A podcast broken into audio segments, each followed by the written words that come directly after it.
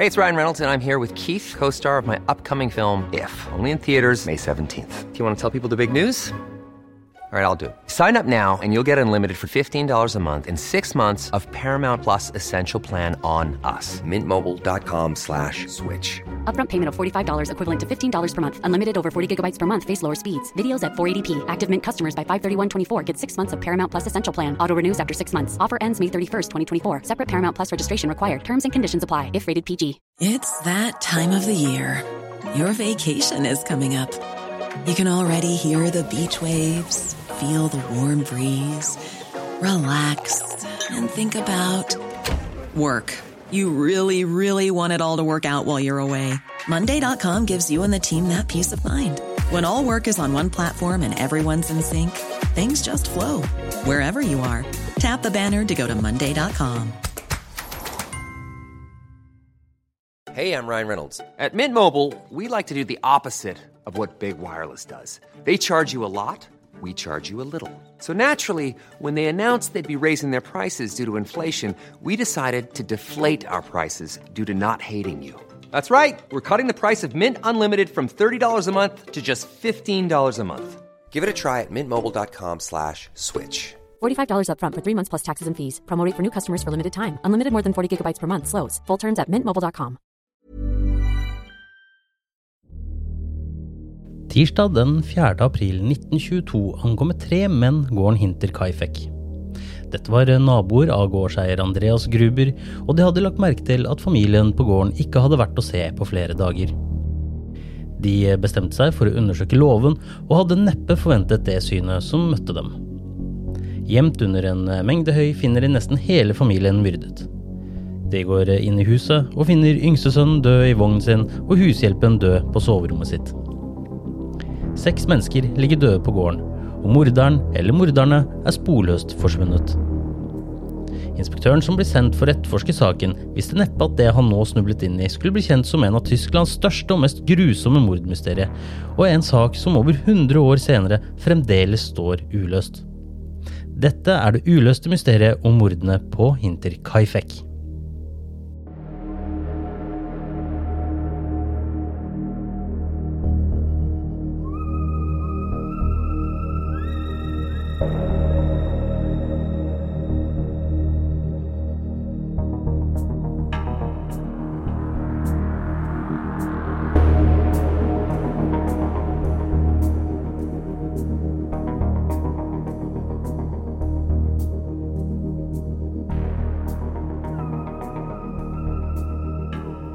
Velkommen til eh, Uløste mysterier.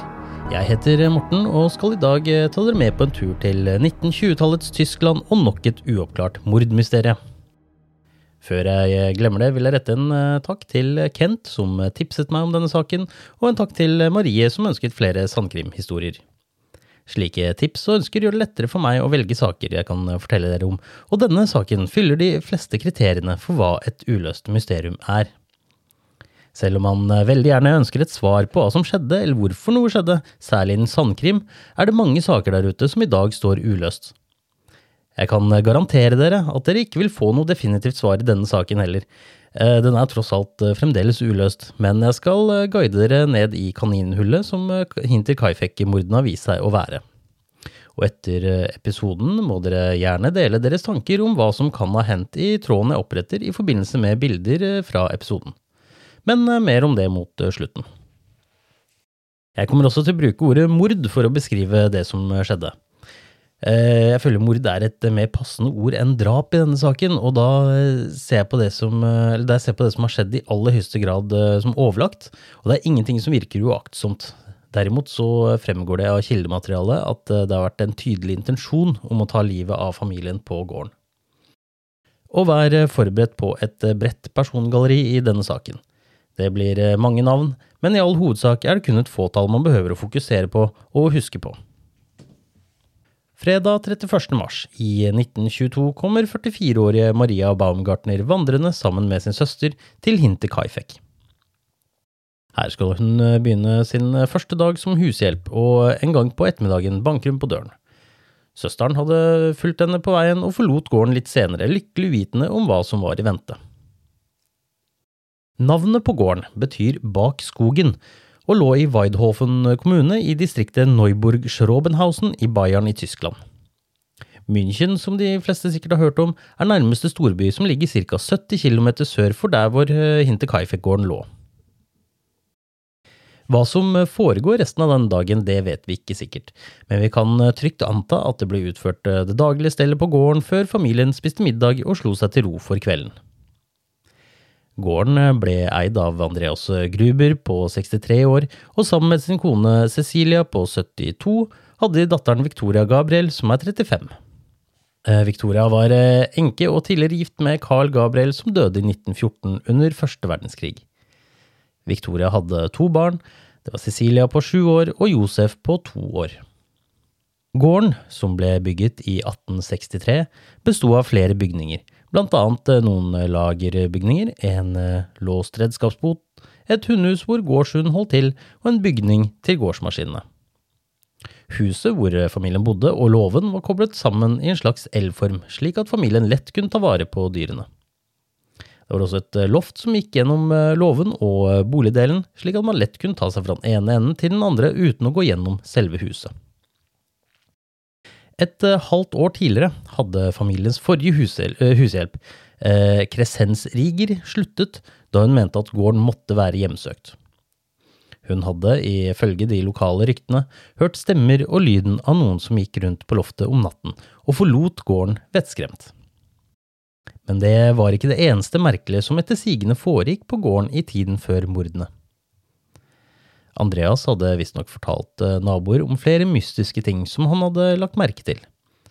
Han hadde funnet en avis fra München på eiendommen sin noen uker før, og han hadde spurt postmannen om han visste noe om denne. Eh, postmannen han eh, benektet å kunne fortelle at ingen i området abonnerte på akkurat denne avisen, så vidt han visste, og han hadde heller ikke mistet den eller lagt den igjen hos Andreas ved en feiltagelse. Andreas eh, fortalte også at han hadde funnet fotspor i snøen som kom fra skogen bak gården, og gikk helt opp til husveggen på baksiden og videre til maskinhuset på gården. Her hadde han funnet låsen tuklet med eller brutt opp, men ingenting var stjålet. Han eh, mente også at ingen fra hans familie hadde gått den veien, og at fotsporene måtte tilhøre noen andre, men synes det var noe bekymringsverdig at fotsporene ikke gikk tilbake samme vei. Familien mente også at gjenstander i huset hadde blitt flyttet på, og noen ting var rett og slett blitt borte. Samme natt som Andreas hadde oppdaget fotsporene, hørte de lyder fra loftet. Han gikk opp for å undersøke, og var overbevist om at han kom til å finne en omstreifer eller uteligger på loftet sitt, men fant absolutt ingenting. Andreas rapporterte aldri disse hendelsene til politiet, men fortalte som sagt naboer om dette. Han hadde blitt spurt om han trengte hjelp til å undersøke dette, og hadde til og med fått spørsmål om han ville ha en revolver for å kunne beskytte seg og familien, men det hadde Andreas visstnok avvist. Han ønsket ikke hjelp med eget anliggende, og han hadde eh, spurt naboene sine om de hadde opplevd noe lignende, men eh, det hadde de ikke. Eh, og dermed så minner de heller på, han, eh, på Andreas eh, hvorfor eh, den forrige hushjelpen hadde sluttet. Andreas var ikke typen som trodde på det åndelige og avfeide det som vås før han gikk tilbake til gården. Det var da han oppdaget at husnøklene var sporløst forsvunnet. Hvor enn han lette, fant han dem ikke. På skolen hadde lille Cecilia hatt problemer med å holde seg våken. Hun sovnet i timen, og da hun ble spurt om hvorfor hun var så trøtt, hadde hun svart eh, at de på gården hadde tilbrakt natten ute i skogen og lett etter moren hennes, Victoria, som tilsynelatende hadde flyktet til skogs etter en veldig heftig krangel. Ifølge jenta hadde Andreas visstnok slått Victoria under krangelen som hadde oppstått. Da de endelig fant henne, hadde hun grått ukontrollert og virket fullstendig trøstesløs. Hun kunne også fortelle at hun ble holdt våken av alle lydene fra loftet, deriblant skrittene som den tidligere hushjelpen også hørte, men ingen trodde på henne. Hvorvidt familien hadde rukket å legge seg før ugjerningene ble utført, det vites ikke, men lille Josef sov i krybben sin, og hushjelpen Maria var på rommet sitt. Gjerningspersonen, eller gjerningspersonene, klarte å lokke ett og ett familiemedlem inn i låven, sannsynligvis ved å gjøre dyrene urolig. Det ble i ettertid testet ut om menneskeskrik kunne høres fra låven og inne i huset, men eh, det kunne det ikke. Her ble de altså angrepet én etter én med en hakke. Skadene på kroppen tydet på at de ble slått i hodet og ansiktet.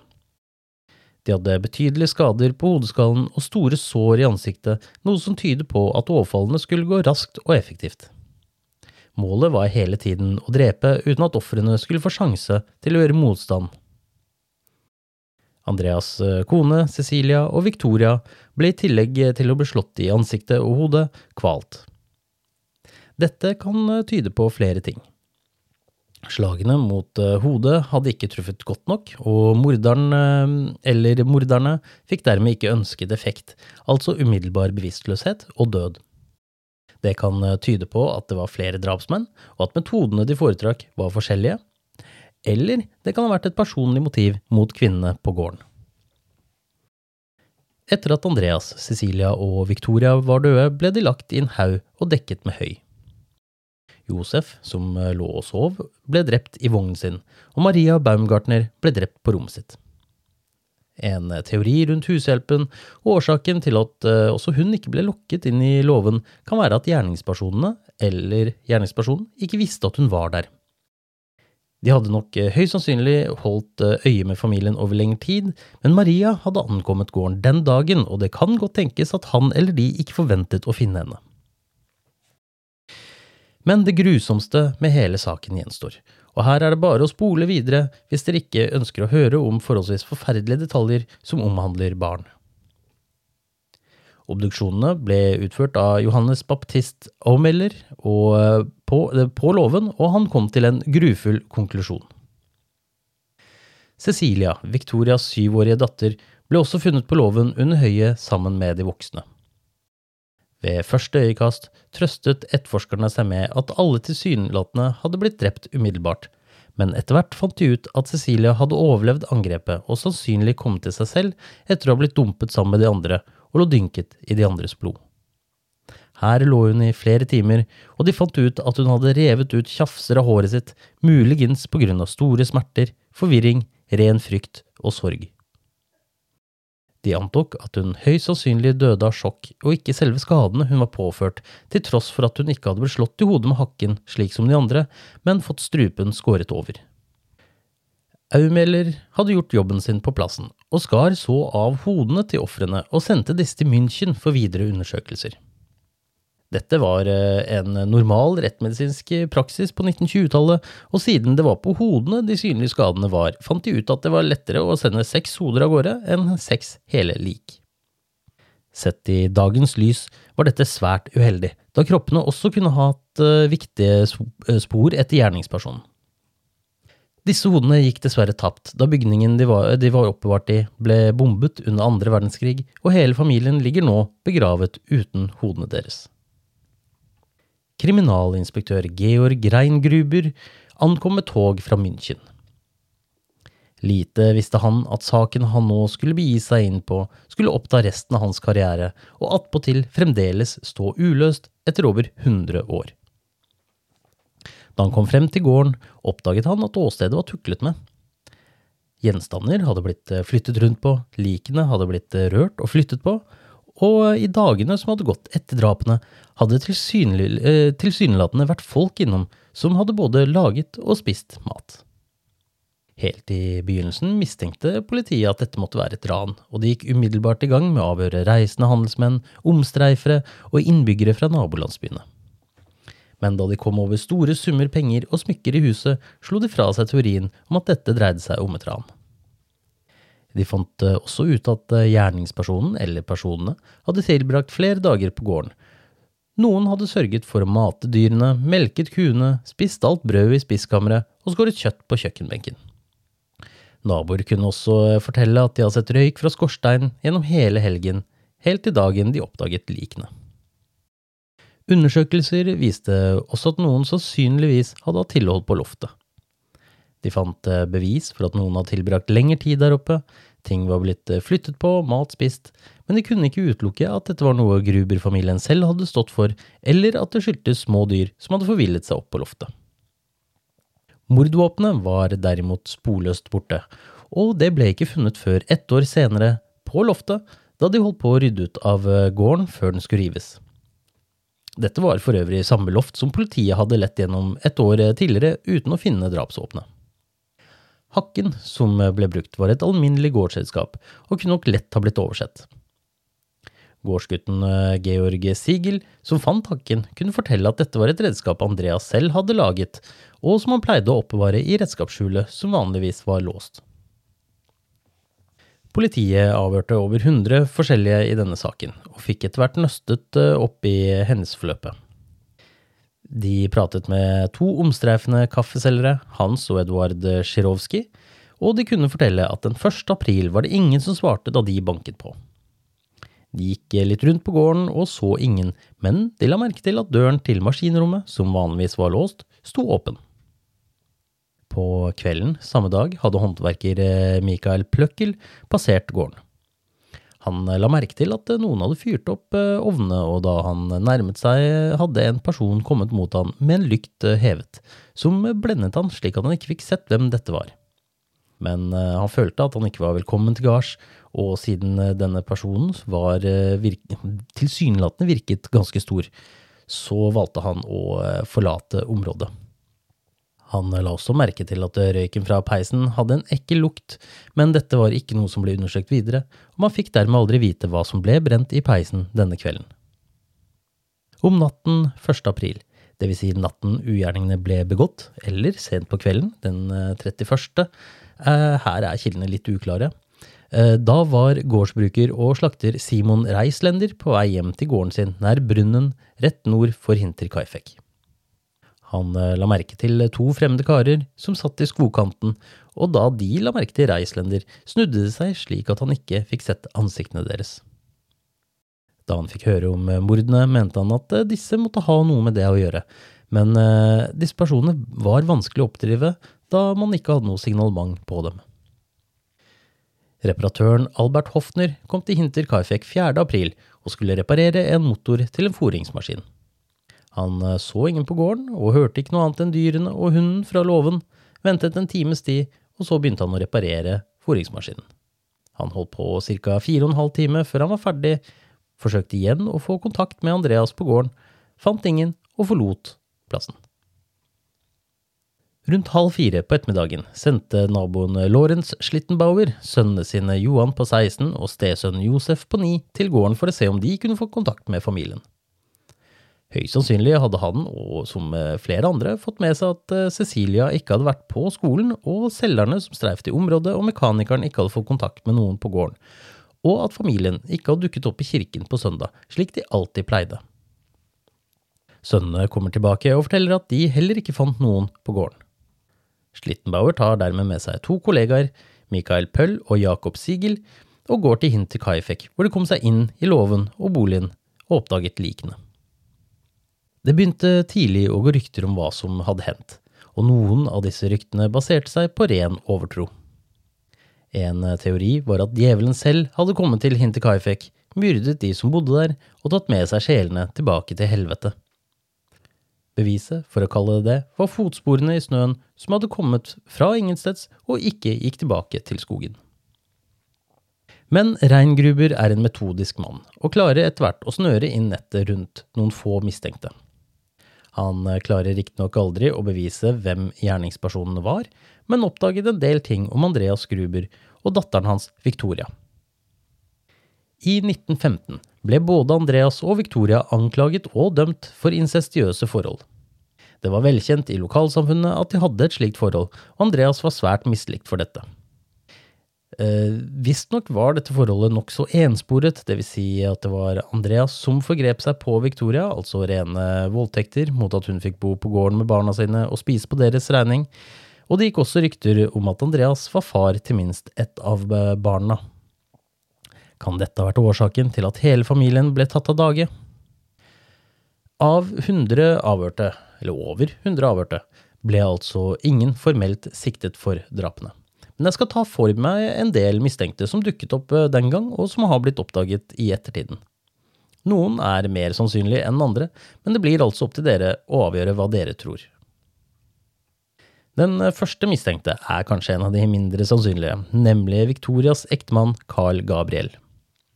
Carl var som sagt soldat under første verdenskrig, og ifølge meldinger fra fronten hadde han blitt drept i et artilleriangrep i Arras i Frankrike i desember 1914. Liket hans ble aldri funnet, noe som absolutt ikke var unormalt i denne krigen, men etter mordene begynte folk i området å spekulere i hvorvidt han faktisk hadde dødd under krigen eller ikke. Victoria hadde født eh, Josef etter ektemannens rapporterte død, og ryktene tilsa at han var eh, Andreas' sønn. Hadde Carl blitt eh, antatt drept i kamphandlingene på vestfronten, tatt en annen soldats identitet og levd et annet liv inntil han valgte å returnere til Hinterkaifek og Victoria, hvorpå han nå oppdaget at hun ikke bare hadde fått en sønn, men fått en sønn med sin egen far. I så fall er det ikke utenkelig at Carl ønsket en blodig hevn på hele familien men etter å ha gravd litt rundt, finnes det vitnebeskrivelser fra andre medsoldater som kunne bekrefte at Carl Gabriel hadde gått på en mine og ble sprengt i fillebiter. Oversikten over krigsgraver fra første verdenskrig bekrefter også at Carls levninger ble stedt til hvile i en fellesgrav for falne soldater i Saint Laurent Blangy. En annen detalj som svekker teorien, er at Carl og Victoria ikke hadde et særlig sterkt ekteskap, eller tilsynelatende et godt forhold. Bare noen uker etter ekteskapet flyttet Carl hjem til foreldrenes gård, og på samme tid var det godt kjent i lokalsamfunnet at Victoria og Andreas hadde et incestuøst forhold. Ifølge en medsoldat hadde Carl klaget over hvor dårlig behandlet han ble av foreldrene til Victoria, og at han nesten ikke fikk mat de gangene han var på Hinterkaifek. Men kunne det være en medsoldat som hadde tatt Carl sin plass, etter å ha hørt om hvor velstående Gruber familien visstnok var? Igjen er dette lite sannsynlig. Da ville nok de store pengesummene som ble funnet på gården, vært stjålet. Reingruber eh, mistenkte tidlig en mann ved navn Adolf Gump. Gump var aktiv i den militante gruppen Freikorps Obland, som mer eller mindre jaktet på og avslørte kommunistiske og polske opprørere. De ble sett på som eh, paramilitære, og på 20-tallet ble de mer eller mindre den harde kjernen i Sturmabteilung, eller SA, som i sin tur Eh, var den paramilitære fløyen i nazipartiet. Medlemmene som støttet nazistene, skulle etter hvert eh, være med på ølkjellerkuppet til Adolf Hitler, og de ble sett på som brunskjorter og bøller, og etter hvert ble store deler av ledelsen i SA tatt av dage under De lange knivers natt i 1934. Men i Bayern var det ikke alle medlemmene av Freikorps Obeland som var like interessert i nazistene, i alle fall ikke på en støttende måte. I området Hinterkaifek lå, var det flere av gruppens medlemmer som begynte å jakte på nazister, da nazipartiet ble sett på som en større og raskere voksende trussel. I Bayern var det mest katolikker, og området ble sett på som konservativt. Etter Anif-deklarasjonen i 1918, hvor det tyske keiserriket kollapset av tapet av første verdenskrig, ble kongedømmene under keiseren oppløst. Bayern, som de andre statene i keiserriket, skulle gå over fra monarki til en republikk, og dette førte med seg en god del uroligheter. Ekstremistiske grupper blomstret opp, og de aller fleste fikk solid grobunn i det konservative Bayern. Andreas Gruber var en nazisympatisør og åpen om at han var det. Han eh, ønsket endringer, og disse endringene mente han at nazipartiet fint kunne stå for. Området rundt Hinterkaifek hadde flere liberale velgere enn andre områder i Bayern, og Andreas stakk seg ut som en betent tommel. Mistanken Reingruber hadde mot Adolf Gump, var rett og slett politisk basert.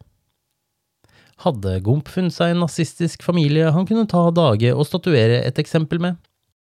Reingruber var ikke sikker på dette men i 1951 ble både Adolf og broren hans Anton etterforsket etter at søsteren deres, Crescentia Maier, skriftet på dødsleiet til en prest. Der fortalte hun at brødrene hennes kunne ha begått ugjerningen.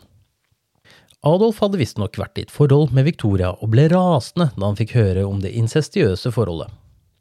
Brødrene hadde dermed bestemt seg for å ta Andreas og Victoria av dage, og drepte like greit resten av husholdningen for å unngå vitner som kunne avsløre dem, samt to år gamle Josef, som påståelig var resultatet av synden Andreas og Victoria hadde begått. Adolf eh, døde i 1944, men Anton var på dette tidspunktet fremdeles i live. Han ble arrestert og avhørt, men løslatt etter tre uker.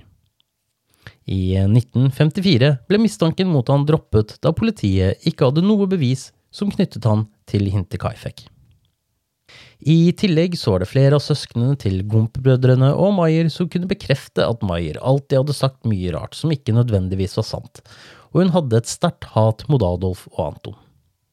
Hun var så godt kjent i søskenflokken på 15 å være den som alltid kritiserte de andre ved enhver anledning. Men Andreas støtte til Nazpartiet kan ha satt Hinti Kaifek på kartet for nettopp nazistene. Det er velkjent at nazistene tok over flere gårder rundt om i Tyskland på denne tiden, slik at du kunne ha skjulesteder dersom de trengte å ligge lavt. Kan dette ha skjedd med familiegården? Ble de myrdet, slik at nazistene sakte, men sikkert kunne ta over gården og på sikt overbevise lokalbefolkningen om at Gruber-Gabriel-familien hadde flyttet fra området? Det er ingen sikre bevis for dette, men det er fremdeles en av mange teorier.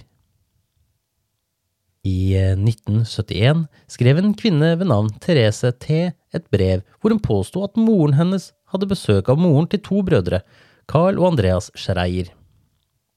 Brødrenes mor var overbevist om at de var drapsmenn fra Hinter Kaifek.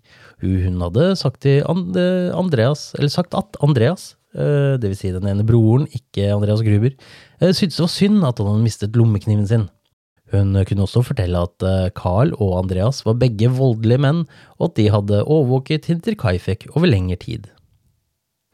Moren til Sharei-brødrene tok til slutt sitt eget liv ved å bygge et bål på kjøkkenet sitt, sette seg oppi det, dynke både bålet og seg selv i parafin, for så å tenne på.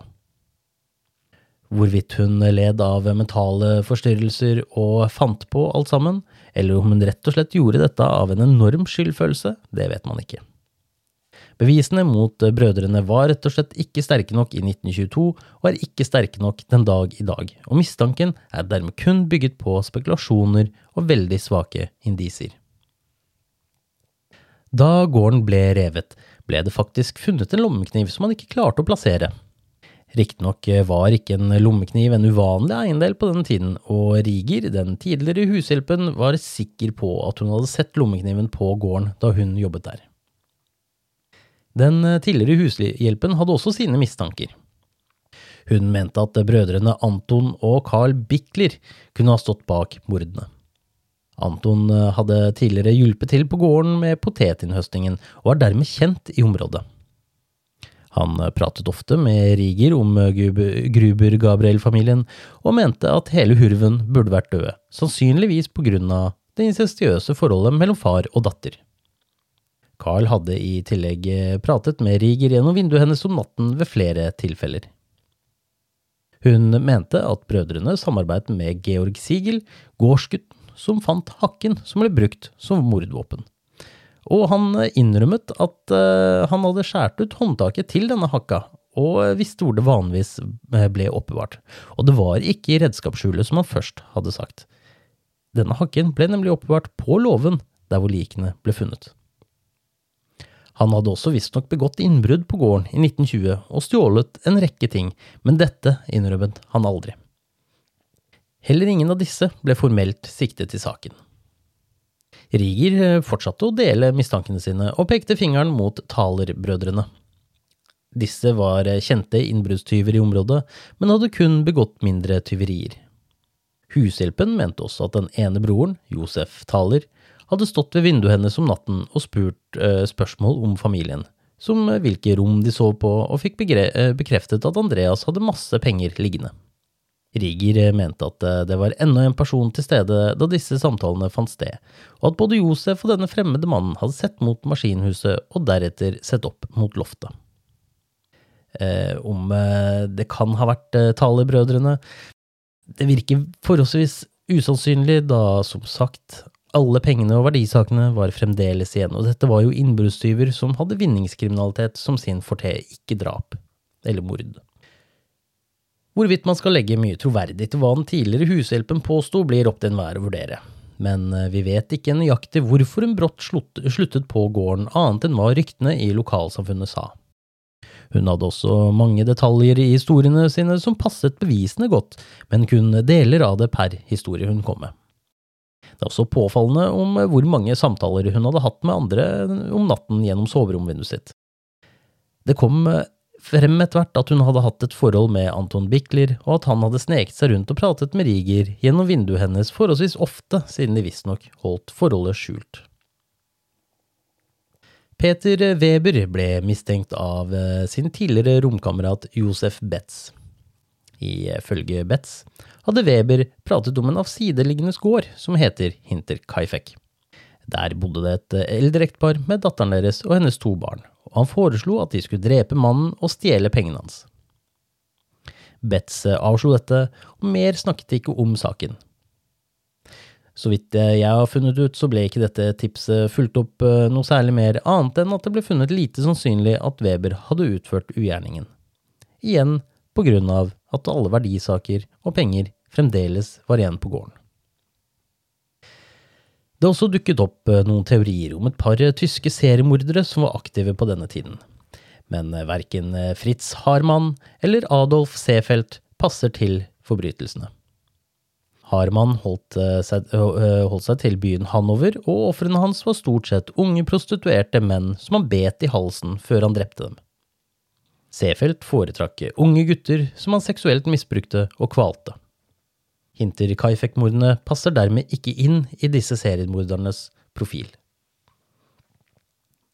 Det kan eh, selvsagt også ha vært en tilfeldig forbipasserende omstreifer som begikk disse grufulle handlingene. Josef Bartel, en pasient ved, mental, eh, ved en mental institusjon som hadde rømt mens han ble behandlet for sinnslidelser, ble også mistenkt. I 1919 hadde han ranet en familie ved en landsby som het Ebenhausen, kort vei fra Hinterkaifeck. Spekulasjonene om Bartel gikk ut på at kun en galning som han ville, ville bli på åstedet etter mordene, bo med de blodige likene i flere dager og leve som normalt på gården. I dag så blir det altfor lett å koble Bartel til Hinterkaifeck kun fordi han hadde en sinnslidelse, men den gang var dette noe av det første de gikk etter. Reingruber var heldigvis ingen dum etterforsker, og han skjønte raskt at det ikke var et eneste bevis som knyttet Bartel til åstedet, annet enn at han hadde blitt sett på som sinnssyk av lokalbefolkningen og tidligere hadde rømt fra en mental institusjon. Men det er en mistenkt som jeg ikke har nevnt ennå, rett og slett fordi det er den som har de sterkeste indisiene mot seg. Lawrence Schlittenbauer. Naboen til Hinterkaifeck, den som først oppdaget likene og den som tok imot politiet på gården. Dette er mannen som har både motiv, mulighet og gjort en rekke mistenkelige handlinger før og etter mordene. Det var velkjent i området at Andreas og Schlittenbauer hadde en del bitre nabofeider. Et av hovedmotivene er at han hadde sterke følelser for Victoria. Victoria og Schlittenbauer hadde ved flere tilfeller hatt seg, og det var tydelig at han ønsket å gifte seg med henne. Andreas eh, satte seg derimot kraftig på bakbeina og nektet datteren sin å gifte seg med naboen han tydeligvis ikke hadde så mye til overs for. I 1919 eh, var det Schlittenbauer som rapporterte om incest mellom Andreas og Victoria, men om han også rapporterte dem i 1915, vet man ikke. Men det stoppet ikke med dette. Victoria påsto at eh, Josef var sønn til Schlittenbauer, og krevde at han skulle betale barnebidrag til henne. Dette gjorde han visstnok rasende, eh, da han ved flere tilfeller hadde stått hardnakket på at barnet ikke var hans. I tillegg var familiene på Hinterkaifeck mer velstående enn de fleste andre i området, så hvorfor skulle de da kreve han for penger? Det er eh, verdt å merke seg at Josef ble født 7.9.1919, hvorpå Victoria sa at Lawrence var faren. To dager senere rapporterte han Andreas og Victoria til myndighetene for incest. Andreas ble arrestert noen dager senere, men løslatt etter tolv dager da Victoria klarte å overbevise Lawrence om å trekke anklagene. Det er litt uh, motstridende kilder på hvorvidt uh, Lawrence noensinne aksepterte Josef som sin sønn, men det kan være sannsynlig at han aksepterte det i lovens øyne, men fortsatte å nekte for det ute i samfunnet. Men selv om han hadde et motiv, burde det foreligge flere bevis og indisier som gjør at Schlittenbauer troner på toppen som hovedmistenkt. Han var en av de første naboene som fant uh, likene, Låvedøren var eh, låst, og de tre mennene som kom til gården, måtte slå seg inn gjennom døra. Slittenbauer hadde visstnok gått rett bort til høyhaugen hvor likene lå, og begynt å flytte rundt på likene uten noe tilsynelatende ubehag. Da en av mennene som var med, spurte hva han drev med, svarte han at han lette etter sønnen sin. Sønnen som han eh, ved flere anledninger hadde blånektet for at var hans. Han gikk deretter ut av låven til den låste inngangsdøren. Denne låste han opp med en eh, nøkkel, og gikk inn i huset alene. Igjen spurte mennene hvorfor han gikk inn i huset alene, morderen kunne jo tross alt fremdeles være der. Og Schlittenbauer svarte igjen at han gikk for å lete etter eh, sønnen sin Josef. Var det lille Josef han mente, eller var det hans niårige stesønn jo Josef?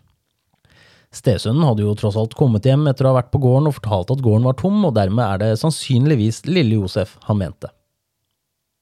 Det er ikke kjent hvorfor han hadde husnøkkelen, slik at han fikk låst seg inn, eller hvor han hadde fått denne fra. Det kan jo tenkes at Victoria hadde sneket han en nøkkel, men det er lite trolig, særlig med tanke på bitterheten mellom dem. I tillegg var Schlittenbauer på dette tidspunktet, ifølge han selv, lykkelig gift siden 1921. Det som er kjent, er at Schlittenbauer forstyrret åstedet da han var der inne alene, og rørte ved og flyttet på likene. Han har med andre ord hatt mulighet til å manipulere åstedet uten at noen kunne ta han på det. I kjølvannet av mordene på Hinterkaifek hadde Schlittenbauer sluttet å spre rykter om familien som bodde der, og nektet for at Josef var hans, til å fullstendig snu øh, og påstå at det var ingen tvil overhodet. Josef var hans sønn. Han spurte også etterforskerne om han nå ville få tilbake pengene han mente han hadde betalt i barnebidrag, noe som ble sett på som veldig merkelig med tanke på at barna han mente var sitt, nylig var blitt brutalt myrdet. Schlittenbauer eh, prøvde også å påstå at han var den som skulle arve etter Josef. I 1914 hadde Andreas og Cecilia skrevet over gården til Victoria, og siden hele arverekken nå var døde, ville dermed penger, verdier og gården tilfalle Schlittenbauer. Det var iallfall eh, håpet hans, men eh, slik gikk det ikke. I 1925 så kom en lærer ved navn Hans Yblager over Slittenbauer ved det som var igjen av den nå nedrevne gården Hinterkaifeck.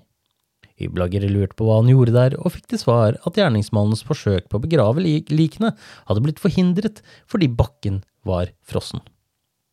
En veldig underlig bemerkning å eh, komme med, eh, men det kan tenkes at Slittenbauer eh, fortalte dette av uh, ren erfaring, siden han tross alt bodde i området. Han mente også at uh, i låven så hadde han sett et lite hull som var forsøkt gravet, men dekket over med høy. I 1931 hadde Schlittenbauer tydeligvis gitt opp muligheten for å se en eneste tysk mark, og han gikk nå tilbake på at han var faren til Josef og mente at Josef måtte være et barn født i et incestiøst forhold. I nærområdet ble han kjent som eh, morderen av Hinter Kaifek, og før han døde i 1941 hadde han saksøkt og vunnet mot opptil flere personer som spredte denne påstanden. Selv om Schlittenbauer var en eh, sterk kandidat som hovedmistenkt, valgte politiet og påtalemyndighetene å avvise at han kunne være morderen. Årsaken var at han eh, tross alt hadde en familie selv, men det sterkeste beviset var at han var astmatiker. De antok dermed at han umulig kunne klare å myrde seks mennesker.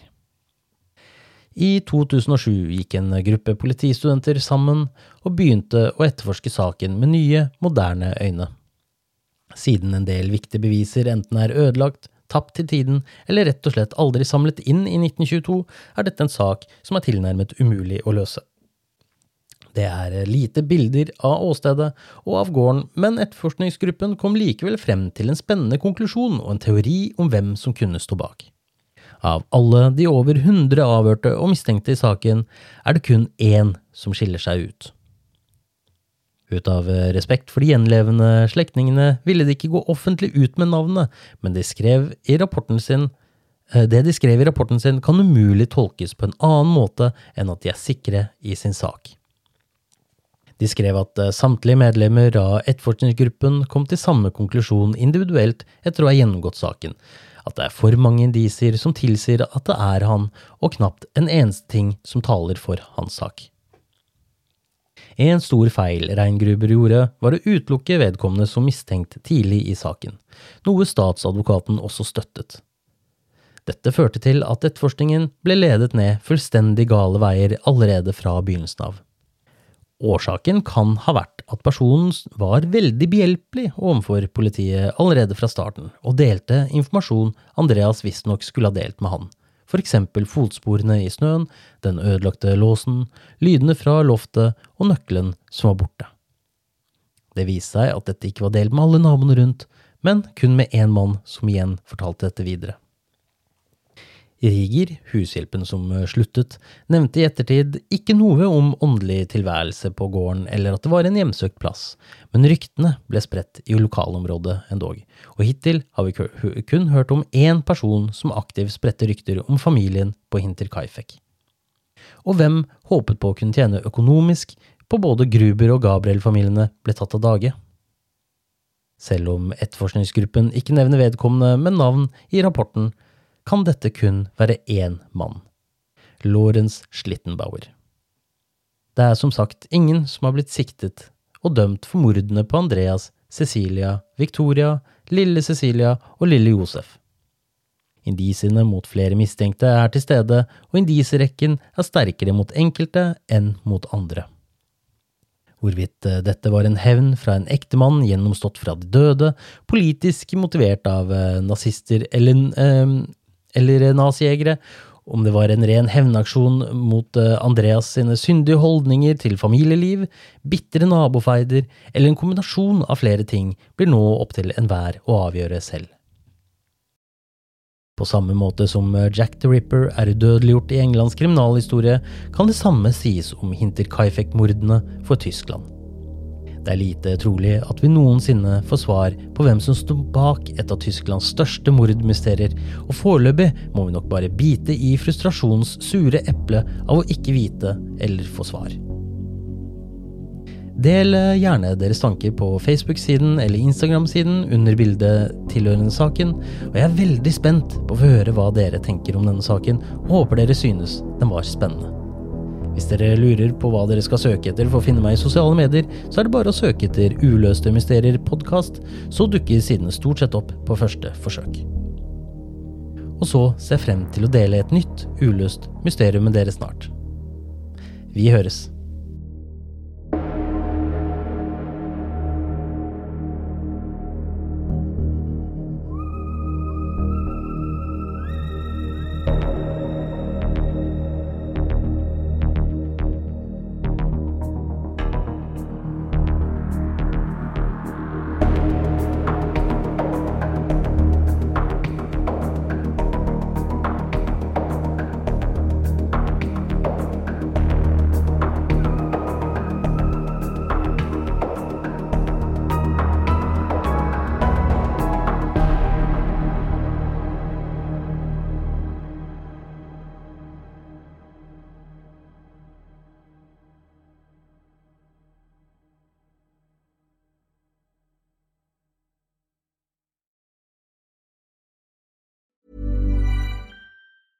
Even on a budget, quality is non-negotiable. That's why Quince is the place to score high-end essentials at 50 to 80% less than similar brands. Get your hands on buttery soft cashmere sweaters from just 60 bucks, Italian leather jackets, and so much more. And the best part about Quince, they exclusively partner with factories committed to safe, ethical, and responsible manufacturing. Elevate your style without the elevated price tag with Quince. Go to quince.com slash upgrade for free shipping and 365-day returns. Planning for your next trip?